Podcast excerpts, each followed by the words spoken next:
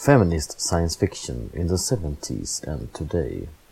This panel was recorded at Swecon 2016 Fantastica in Stockholm, Sweden. The participants are Carolyn Ives Gilman, Anna Bark Persson, John Henry Holmberg, Suzanne van Rooyen, and it is moderated by Johan Jönsson. Svekon-poddar. En poddradio från svenska science fiction och fantasykongresser.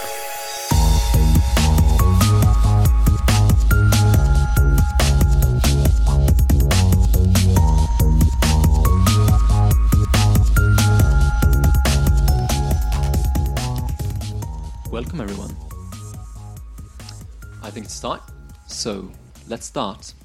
My name is Johan Jönsson and I'm your moderator for the next hour.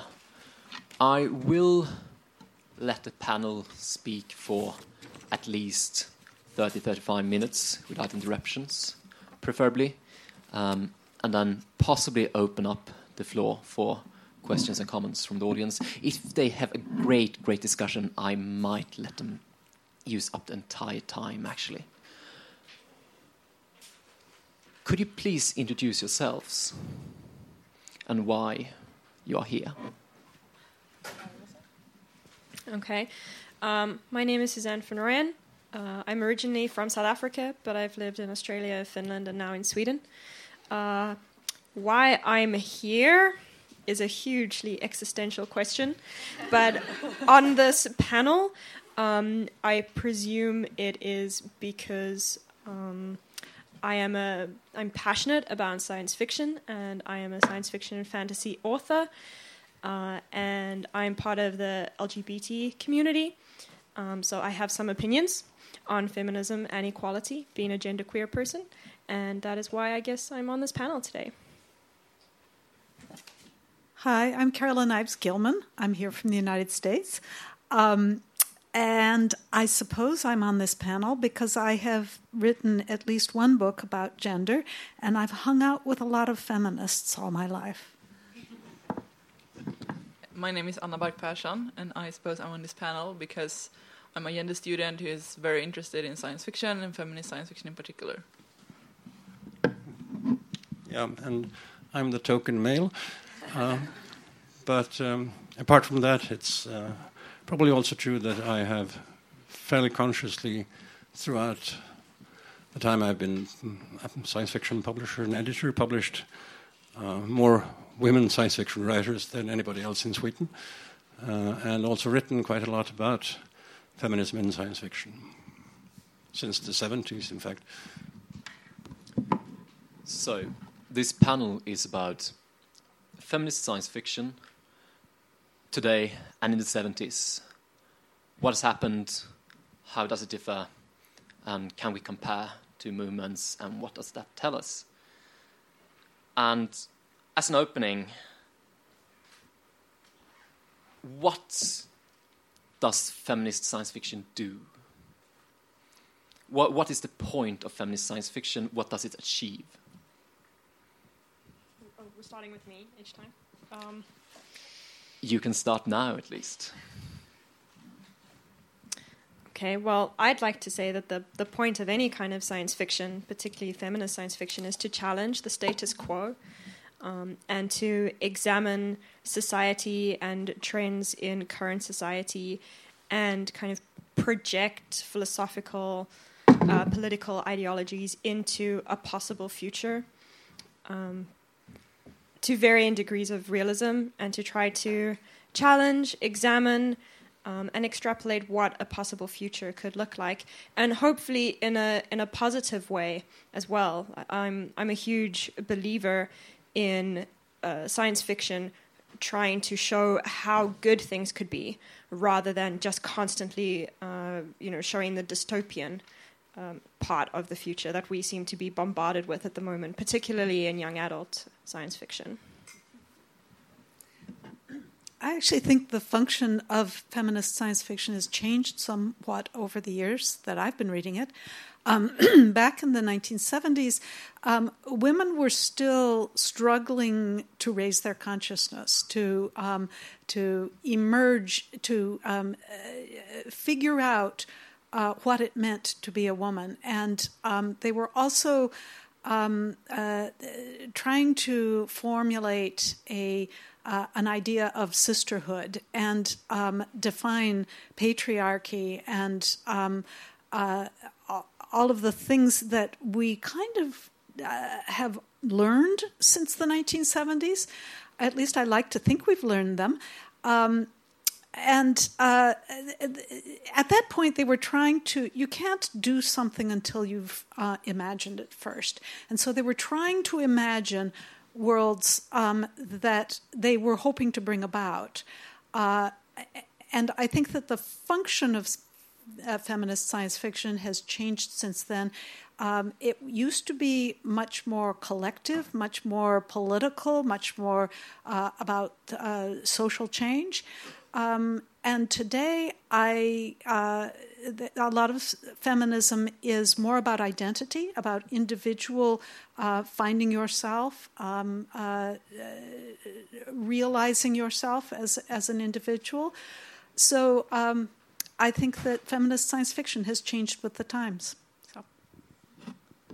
Yeah, I sort of think the feminist science fiction is about basically it's it's uh, fiction about the future for today because uh, as someone who's sort of read a lot about sort of kind of utopian science fiction about women only worlds uh, and sort of written about it it's it's very clear that these worlds are not sort of utopian blueprints for a better future but rather um, ways to sort of bring about change in the here and now and sort of discuss what women sort of possibly could be as human beings if they were sort of removed from a sort of patriarchal power structure. So I think the feminist science fiction has a lot of sort of functions for uh, feminist theory and for sort of thinking about gender uh, beyond sort of basically providing uh, a, a vision of a better future.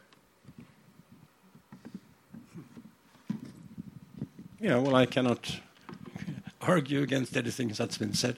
Uh, I uh, I do think uh, to an extent that possibly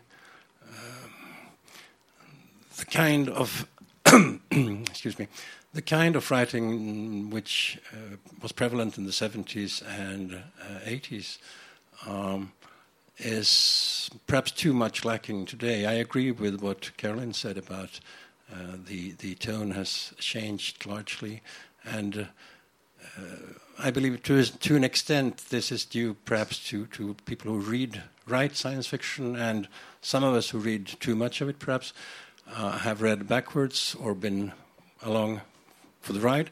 And so we've seen the things which already have been done, and now uh, something else has to be done because that's old hat. It's, it's, uh, you can't copy Joanna Russ. However, um, perhaps there would still be need for a new Joanna Russ for the new readers who have never read the original one. Um, I mean, it's become too much of a trope or cliche, actually, uh, to just change Han Solo to Hannah Solo and write the same adventure space war stories, uh, which now happen to have a woman as the character. I, I wouldn't call this feminist writing. Uh, now, it's not the only kind, of course, that there is, but there is too much of that. Do you agree? Um, I think that, that the kind of um, uh, the kind of uh, fiction that you're talking about had a function once. Um, I think before it was possible to imagine, for instance, women in the military or women in charge of big companies. Uh, uh somebody had to imagine that, and somebody had to portray uh, what it would be like. Uh, and now we have all those things, um, and it's no longer necessary to imagine them. Uh, and so we need to move on. We need to move on to imagine the next thing that's going to happen.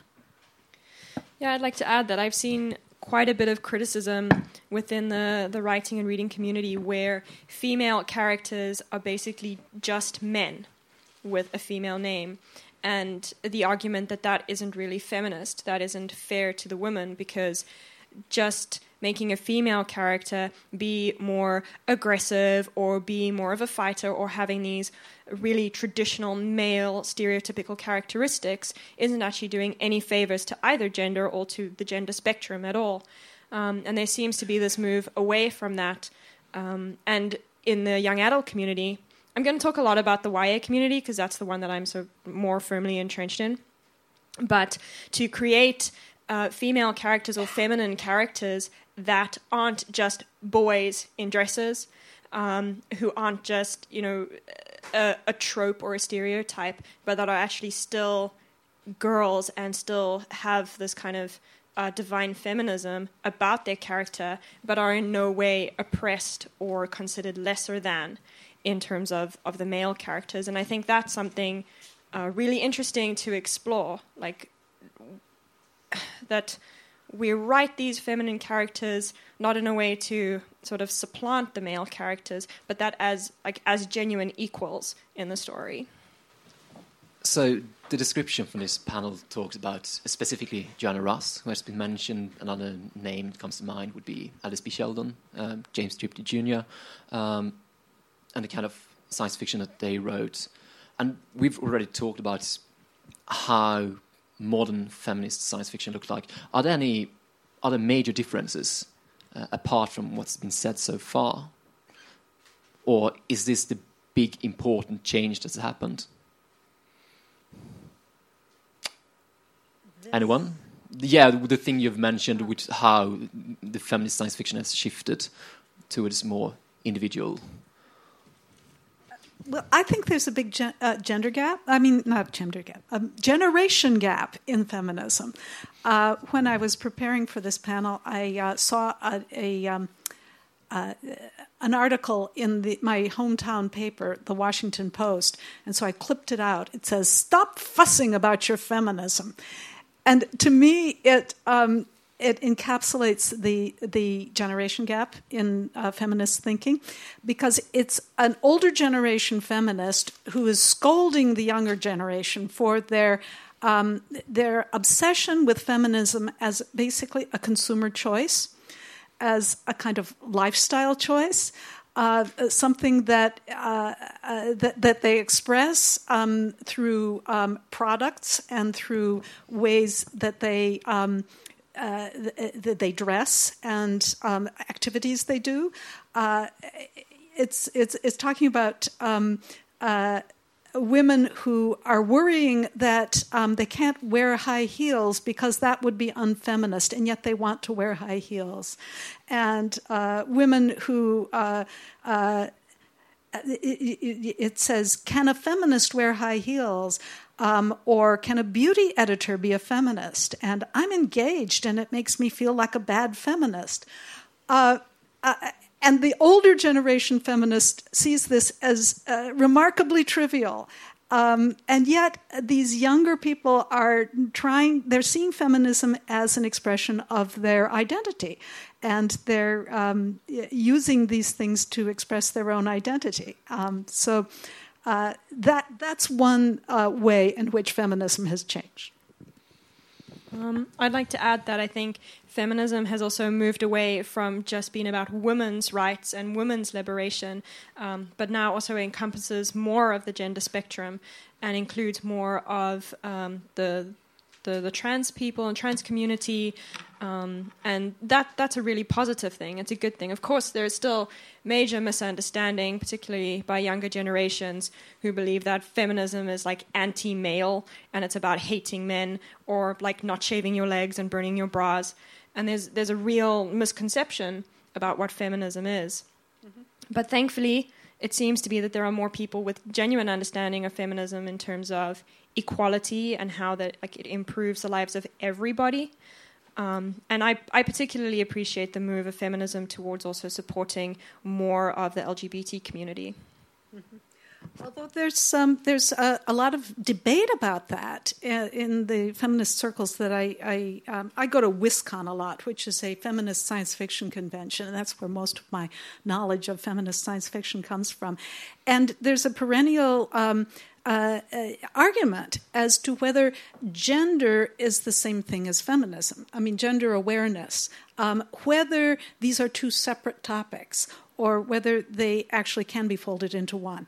Um, and there are a lot of women who feel that um, that you have to take them separately, that you have to talk about women's issues, uh, and you have to talk about gender issues uh, that that they um, they they don't overlap to the extent that sometimes they're they're blended together.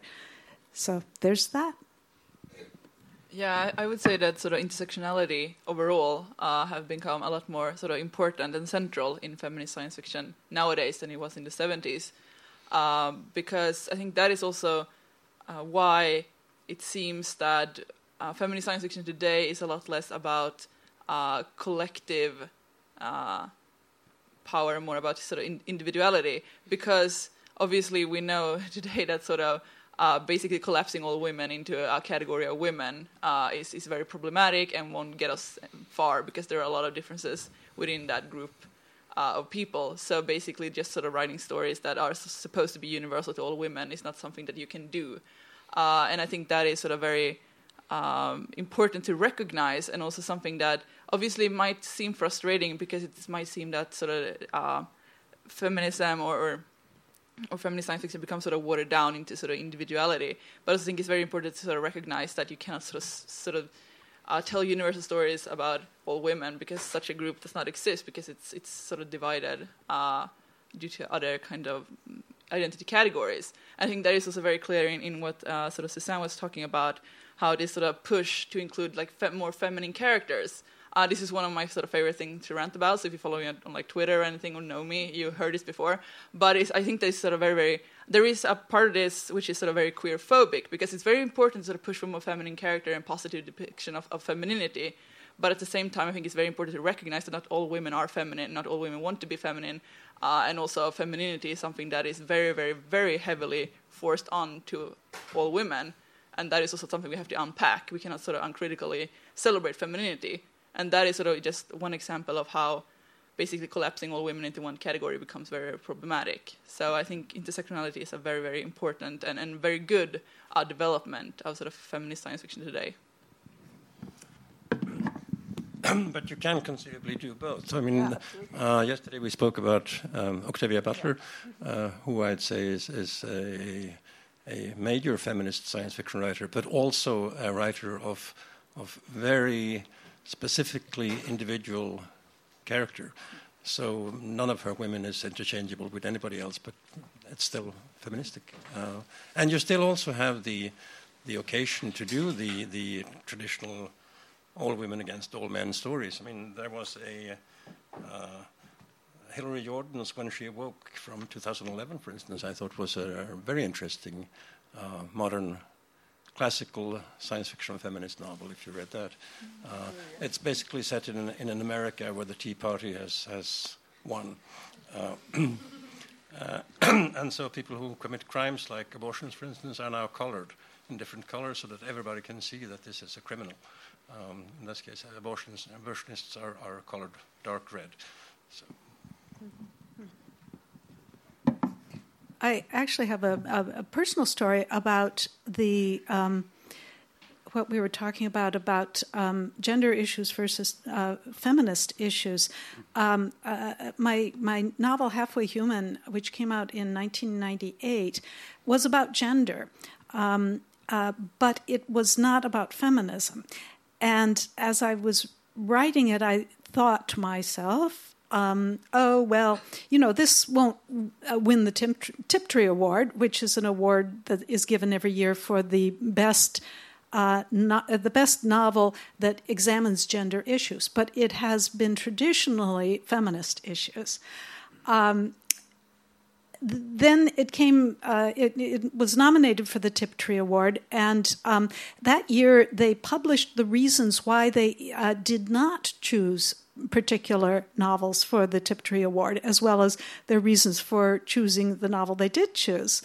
Um, and uh, they wrote that my they didn't choose my novel because it wasn't about feminism. It wasn't about. They claimed it wasn't about gender, and I was just outraged that they would say this, even though I had kind of acknowledged to myself when I was writing it that it wasn't, um, that I was probably um, writing myself out of the uh, feminist award. Um, uh, but um, I, I actually kind of was indignant when they, they confirmed my judgment. so we've been talking about what's happened and where we are today. Uh, do you see any trends in feminist science fiction today that you suspect will grow stronger? Um, any inklings to where feminist science fiction will be in the future, 10 or 15 years from now, or 20? If the answer is no, that's okay as well. I, I actually want to mention uh, one of the big challenges that I see um, to feminism um, in science fiction today, and that is that feminism has come smack up against multiculturalism. Most of the feminists I know are actually um, uh, very committed to multiculturalism. They're committed to um, uh, toleration of other cultures and to cultural relativism. Um, but what happens when you come to women's issues in other cultures? Does this mean that you uh, necessarily must tolerate wife beating? Does it mean that you must tolerate arranged marriages? Where do you draw the line? Um, and two uh, very firmly entrenched and intertwined ideologies have come unraveled. And somehow we've got to figure out uh, how to deal with this question because it was all very well when we were just talking about our own Western culture. But when we're talking about other cultures, is it okay to impose the Western ideology of feminism on other cultures? Is this where we um, make an exception? Uh, it's a very naughty question. Yeah, and I think this is where intersectionality uh, becomes so important and quite quite tricky, especially for writers who are writing from the Western paradigm, because we are so much a product of our backgrounds, and it's it's almost abhorrent for us to consider women living in societies and cultures where it's okay to be arrested if they are in fact a rape victim that they're the ones to blame for being raped. Um, and what what does that mean in, in terms of exactly as Carolyn says like respecting another culture while also still trying to to write stories that empower characters or, and liberate these characters? Um, and this is why, and especially again in the young adult community, there's a huge call for what they call own voices books, um, where they really want to see stories about Muslim girls, for example, in a science fiction or fantasy setting, written by someone who identifies as Muslim. And that would be a fascinating read to to try to see what what that different perspective would bring to the table and that's what i'm hoping the future of science fiction will will see is more of these marginalized and previously oppressed or still currently oppressed voices hopefully not it's going to be the future um, but what what their perspective is and and what their brand of, of feminism or brand of liberation means uh, within their culture because they're still operating within that culture, like outside of the Western paradigm. I have seen essays by uh, Muslim women about wearing the veil, and it has a very different meaning to them than it does to us. Um, so, uh, and hopefully, we can see more of that. Yeah, I, I, agree that sort of the the idea of the like own voices project is a is a very important goal to sort of strive for, and I also think that one of the trends I sort of witnessed uh, a lot in in sort of uh, contemporary feminist science fiction would be like uh, gender fluidity from like the perspective of, of sort of queer and trans voices because gender fluidity has been very very uh, utilized in, in feminist and science fiction overall for a long time but it has very often been extremely transphobic uh, and now we sort of see an emergence of stories about gender fluidity that actually sort of take in actual sort of queer perspectives rather than just sort of utilizing it as a tool to sort of tell stories about cisgendered men and women. So I think that is another uh, very important uh, part of sort of bringing forth uh, voices that has been sort of historically silenced and or absent from the discussion. Yeah. you don't need to add anything if you don't have anything to add. Uh, no, it would be great. Uh, I, I I side hugely with with Carolyn. Uh, I believe that the clash between, I mean, we live in a society which believes in individual rights. Uh, now, if we are suddenly expected, as we are, to accept as of equal value um, a culture which does not believe in individual rights, uh, this will make this kind of fiction very, very difficult to write for people belonging to and, and identifying with that culture. Um, I mean, is it okay really to uh, throw gay people from the roofs of high buildings? Um, when this is a, a, a the, the, view of a majority in a culture, it seems to me that uh, expecting people to write from a transgendered perspective in that culture is expecting very much. Uh, I've spoken to, to people who, who um, identify as Muslims uh, and to say that there is no, basically, there is no Muslim science fiction. Uh, there have been very few writers in the Arabic world who have written occasional works, uh, but on the whole, there isn't. The reason they tell me is that imagining a future is anti-religious. It's it's uh, uh, only Allah decides the future, and if you therefore depict one other than the one He will um, come to make real, uh, you have committed a kind of heresy. Isn't half the problem we're talking about um, multiculturalism, feminism, which is basically you know fighting racism and fighting uh, oppression of women at the same time. Um, that if we're talking about Western writers, going back to an earlier panel, that the problem that we have is that people typically don't even understand the culture they're trying to write about.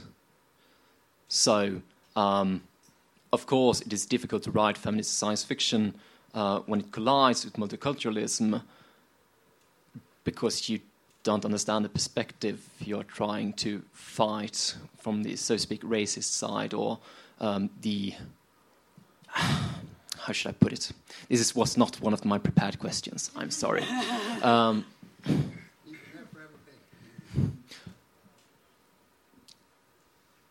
going, Anna and I was in a panel earlier that was about exoticization and appropriation, and I feel that this problem wouldn't necessarily be true if it weren't because we're talking about Western culture writing about other cultures. Um, wouldn't it make sense to listen more to all the people from the those cultures who do write? I, I can't refute John Henry's argument because I know absolutely nothing about Muslim science fiction, but there are plenty of people from those cultures who live in Western countries who write science fiction, who have a better understanding of it. And aren't they better at finding the ways here? They might be the only ones who might possibly find a way to do it, uh, I would expect.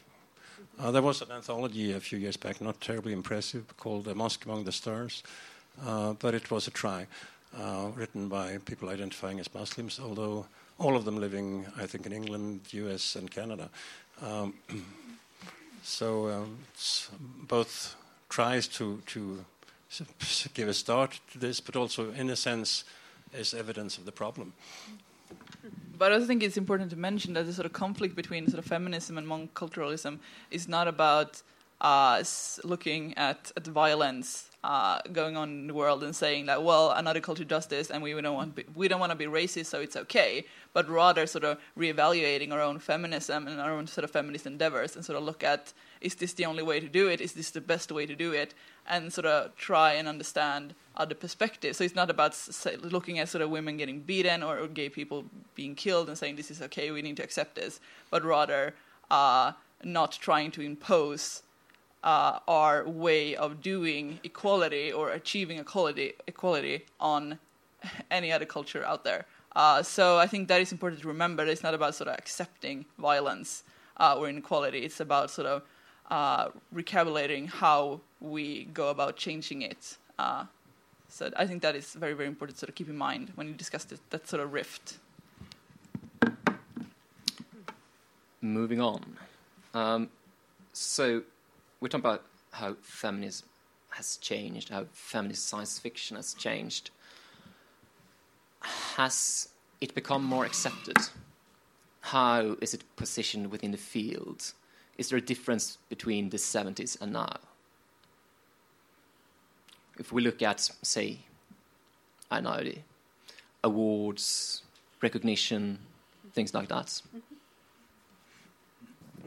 Wasn't the Nebula um, uh, award um, uh, pretty much swept by women this year?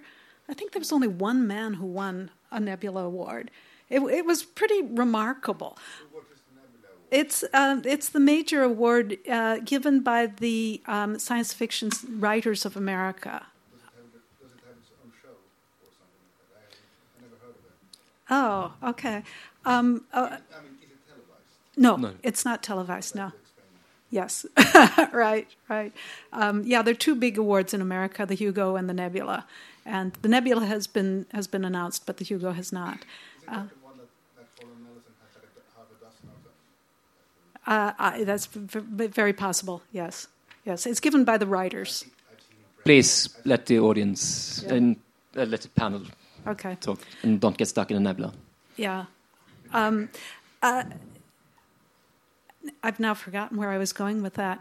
Um, uh, uh, one thing I notice uh, in uh, recent books is that in in many uh, feminist books, uh, gender has uh, is conspicuous for its absence. Um, uh, for instance, Ann Leckie's books, uh, Ancillary Justice, and so forth. Um, in those books, uh, the um, the language that's being spoken has no um, uh, no gender differentiation, and therefore all of the characters are referred to as she. And they they are in fact different genders, but um, you don't know what what sex any character is, and um, uh, that was taken as a real feminist statement.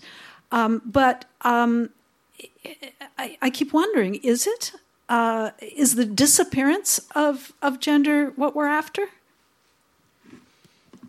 Yeah, I could I could add to that about Ann, Ann Leckie's book because as somebody who is genderqueer in a community where um, pronouns are so important and gender identity is so important, while it was somewhat cool to have characters um, automatically assume a person is she instead of he, because we often do. We, when we're talking about a character of unknown gender, there's a tendency to always go he such and such, and in this book it was going like she such and such, which was which was cool to kind of change that. But um, I didn't like the sort of sweeping uh, ignoring that happened, even when characters did identify. Because personally, and I know for a lot of people, like that's a that's a huge problem, and that's um, that contributes to dysphoria. So I, d- I didn't like that aspect of the book. So I would agree that you don't want to erase gender. And I'd also say like I can't even remember your question really, but about feminism today. Has the Yeah, status of feminist science fiction changed? Oh, How is okay. its position within the field? Was Yeah, my I would- question. But if you have something more important to talk No, about, that's more exactly interesting, okay. then Um, go ahead. I would say that in in young adult fiction, particularly, uh, it is not often tagged as feminist, but it often really is feminist, and that's kind of like a byproduct of the fact that there is an overwhelming number of women writing young adult fiction, um, and they want to write books that empower girls about girls about uh, female issues, and that's kind of become the trend in in young adult science fiction that it's mostly um, teenage girls who who take center stage and who become the heroes of their own lives and, lead the revolutions literally in cases like the hunger games or in you know divergent. Um, even though these works are not necessarily tagged as feminist um, and aren't feminist in very overt ways the way that like joanna Russ the female man book is um, they're still quite feminist in a, in a sort of more not even a more subtle way. They just don't call themselves feminist. And be that good or bad, and whether people acknowledge or want to acknowledge the feminist content content in these books, it's definitely there, and it's definitely influencing and affecting a younger generation. Um, I have teenage students who who wear bracelets and who write on their notebooks and who live by what would Katniss do, what you know what would Tris do, and these books and these writers have achieved exactly what they wanted to. They've empowered young girls to take control of their lives, which is very feminist. I sort of want to return to uh, ancillary justice because I think it's while I agree with Suzanne uh, about the sort of problems with the book, I also think that uh, what sort of ancillary justice does is not sort of presenting the goal of like having no gender, uh, but rather using uh, this sort of using the pronoun she for or sort of eradicating gender differences in in language and in sort of culture uh, as a tool to sort of do work upon us because it's a very sort of jarring reading experience where uh, the author continuously uses the pronoun she in a very sort of masculine military setting. It does something with us because it's something that we are not used to seeing, and it's it basically fucks with our with our perception of the world of what men and women are supposed to do and what is masculine and what is feminine. So I think that I, I, I want to stress it because I think it's so important to sort of not view feminist science fiction as a this is the end goal, this is what we want to be, but rather this is a thought experiment. This is something we're trying out to see what are the effects if we change this or do this, and and what does that have sort of what kind of effect does that have upon us here and now? So I think it's important not to viewing again feminist science fiction as a blueprint for a utopian future, uh, but also on, on, the subject of like the status of feminist science fiction today. I think it's interesting to sort of view uh, or sort of see what kind of, of, of feminist science fiction is actually sort of lauded uh, beyond like discussions about feminist science fiction. For example, ancillary justice, because on one hand, I think it it does interesting things, but on the other hand, it's a very sort of classic space opera adventure. So I think it, uh, the one reason that it got so popular is because it's it's kind of a uh, uh, easily accessible story, even if you're not sort of interested in, in feminist science fiction. Uh, while maybe other kind of more more radical stories get sort of forgotten because they are more uh, not not as easily access- accessible to people who are not interested in sort of gender in science fiction. So I think that is I, am not I don't have any clear examples, but I think that would be sort of interesting to look more closely at sort of what kind of of feminist science fiction becomes accessible to the sort of mainstream science fiction audience and which are not.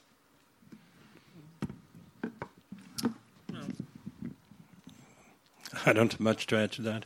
Uh, I think I agree with with Sam uh, that that many of the more interesting things are done in, in juveniles. I read too few of them, uh, truly, but when I do, it's more noticeable there. I think in, in, in science fiction, uh, the problem is that back in the 70s, science fiction was a fairly unified field.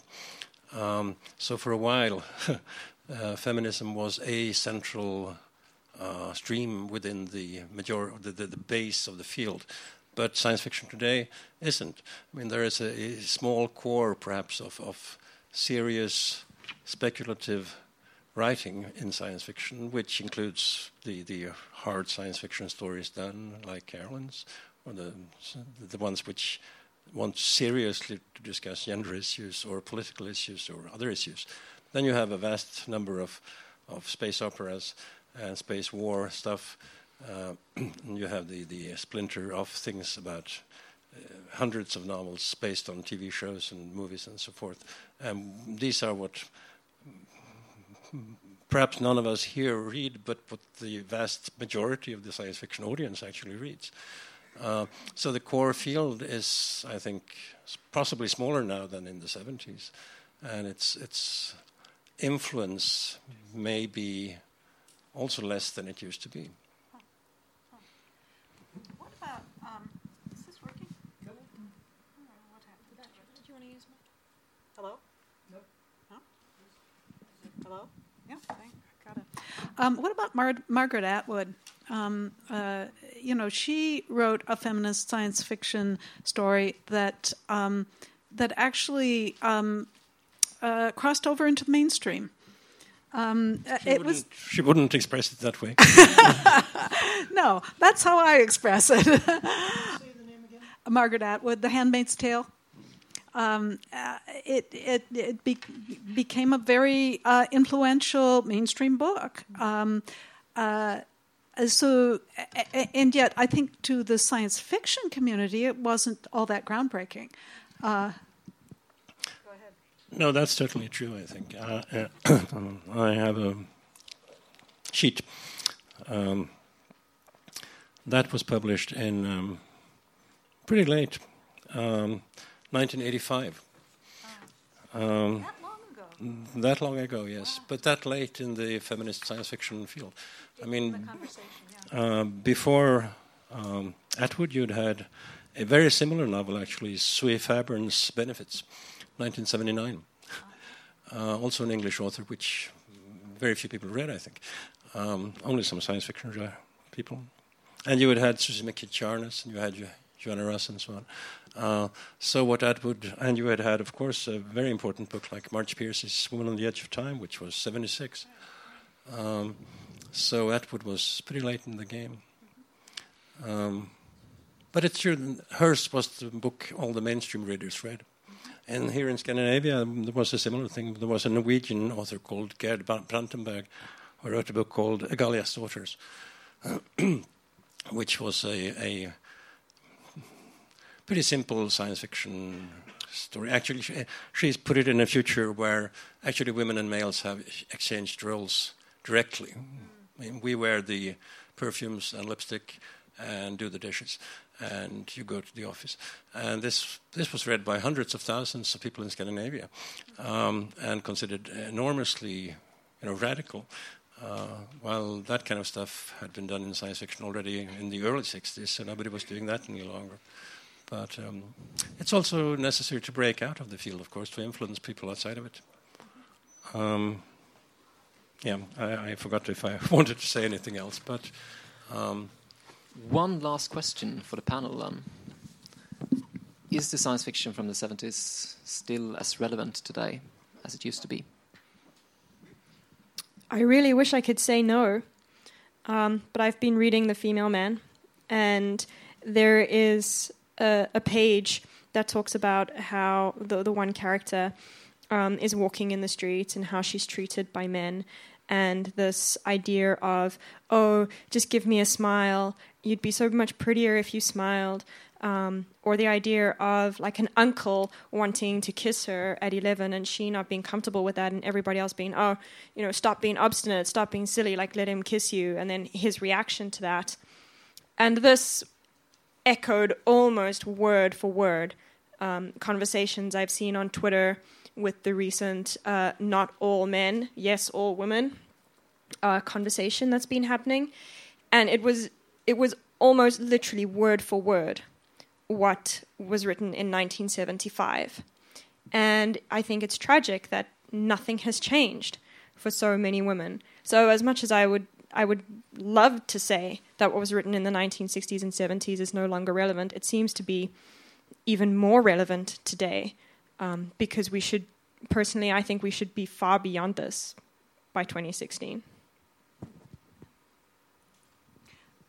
I have found uh, when I read some of the more traditional um, uh, feminism of the uh, of the 1970s, some of it seems rather trite to me, as if. Um, as if we've gotten beyond that and we don't need to think about that anymore. But um, uh, it's interesting to hear your your experience. So maybe I was too hasty in in concluding that, and I actually need to go back and uh, read it read it again. So. I think that what we have stopped doing is uh, some of the um, theorizing. Um, we've uh, uh, we've gotten away from uh, uh, you know, constructing um, new societies in our fiction and um, uh, talking about uh, female utopias and things like that. Um, maybe because the conversation had run its course. I don't know. Yeah, I, I, agree with the previous speakers, but I also say that that uh, sort of seventies feminist science fiction and, and feminist science fiction that came before and after is still also very important because it's our history. I mean, it's it's important for us to know where we came from and what has been done before because the, these kind of articles keep popping up on my like Twitter uh, feed where uh, like I suppose non uh, science fiction fans write articles about like all the new female authors in science fiction that are sort of finally emerging today, and and that makes me very very pissed off because sci- women have been writing science fiction since the, the inception of science fiction. I think it's it's very easy to forget that because fem- feminist writers and, and women writers gets uh, written out of his, our, our history, and I think that is so. I mean, I think they're also relevant in in sort of uh, providing us with a history of, of of the presence of feminism and presence of, um, the presence of women in, in science fiction. Uh, so I think that they have a, a lot of, of, of, different ways of being sort of relevant still today. Uh, there's also the fact that the, the, the, the, women, the feminist writers of the 70s and 80s, I mean, some of them were good writers. Uh, a few of them were, I think, important and great writers. Uh, and the latter ones are certainly not only I think did they did they uh, write about things which are still uh, hugely relevant, like the female man, and also Joanna's other uh, important feminist book, the two of them, which we could have talked about a bit more because it also is, is problematic in the multicultural aspect and interesting. Um, she was one of the first to, to I think, see the conflicts. Um, and you have James Tiptree, of course, Alice Sheldon, uh, who writes about, I believe, eternal issues. Um, even if, from a feminist perspective, in a sense, she does write about about humans as a species and what we're good for, if anything. Um, so her stories are really about life and death, basically, uh, and how individuals have to cope with this to to be able to live decent lives if possible. And that will always be relevant, I think. So a few of them should absolutely be read, and anybody who has not read The Female Man, go home and do that immediately. Um, it's a great novel. Like I think Maureen McHugh, we haven't mentioned, but I think she's also an important writer in this respect. Uh, for both. Okay. So we're almost at time, uh, but I think we have time for at least one comment or question from audience. I think Karen, you you weighed before. Is it still relevant, or I, I think people might be could you you sorry? You I think people might be interested to know that one of the science fiction feeds. One of the science fiction feeds that crosses my desk is, in fact, a, a a group that is promoting um, Islamic science fiction, and I don't pay as much attention to it as I would like to because many feeds cross my desk. But I think that there is something there, um, and I think some of this is about time and when the necessities and the options to actually have discussions um, start to reach particular communities. Because I live in a multicultural community um, in East London, and I have talked about these matters to Muslim women and Hindu women, and they don't have the same. They don't come from the same place, and they're not necessarily going to the same place, but they meet the issues. Their daughters don't share their their daughters don't share their assumptions and their goals for themselves, um, but they will not come to the same conclusions necessarily as we did about what the solutions are to that. If we have time for one more question. Uh, something I really found interesting and liberating about the ancillary justice books is that the way the world is presented uh, with no gender is that they, it kind of uh, fixes the issue. Men who, who, who yeah, I, I kind of want to hear their reaction to this. Know that Ursula Le Guin has said many times that she wished, has wished afterwards that she had had the uh, guts or been daring enough to actually use she instead of he for every character in The Left Hand of Darkness. Um, of course, in Sweden lately, uh, we have began to reuse uh, an old word. Uh, we have han for he, hun for she, and the word hen has now, I know it sounds different in English, uh, begun being used for persons of either or indefinite gender um, in literature. Uh, some people use it, uh, others are uh, very strongly opposed to it, of course. Uh, but um, that might be an interesting notion to use a a made up word which can be either or both. Um, because, in a sense, I can understand that using she instead of he just turns the tables in a sense. Yeah. Yeah. We- and, and in English, um, they has begun to be the the word that's used as a, a person of indeterminate gender. We desperately need it. feel that's a bit cumbersome. Oh yes, I mean it's it's very odd, but um, we'll get We used to it. We are very much running out of time, I'm afraid. Just, just just one last thing. If if someone is interested in, in an author who sort of uses gender neutral pronoun who is not they in English, it's Elizabeth Bear. Uh, she does this in, in sort of various ways in various books in very interesting ways. So so check her out. Thank you.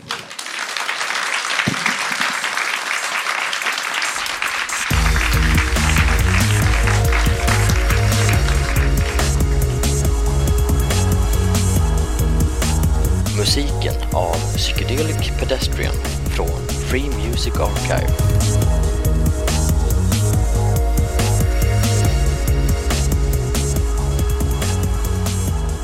Besök gärna vår hemsida på svekonpoddar.se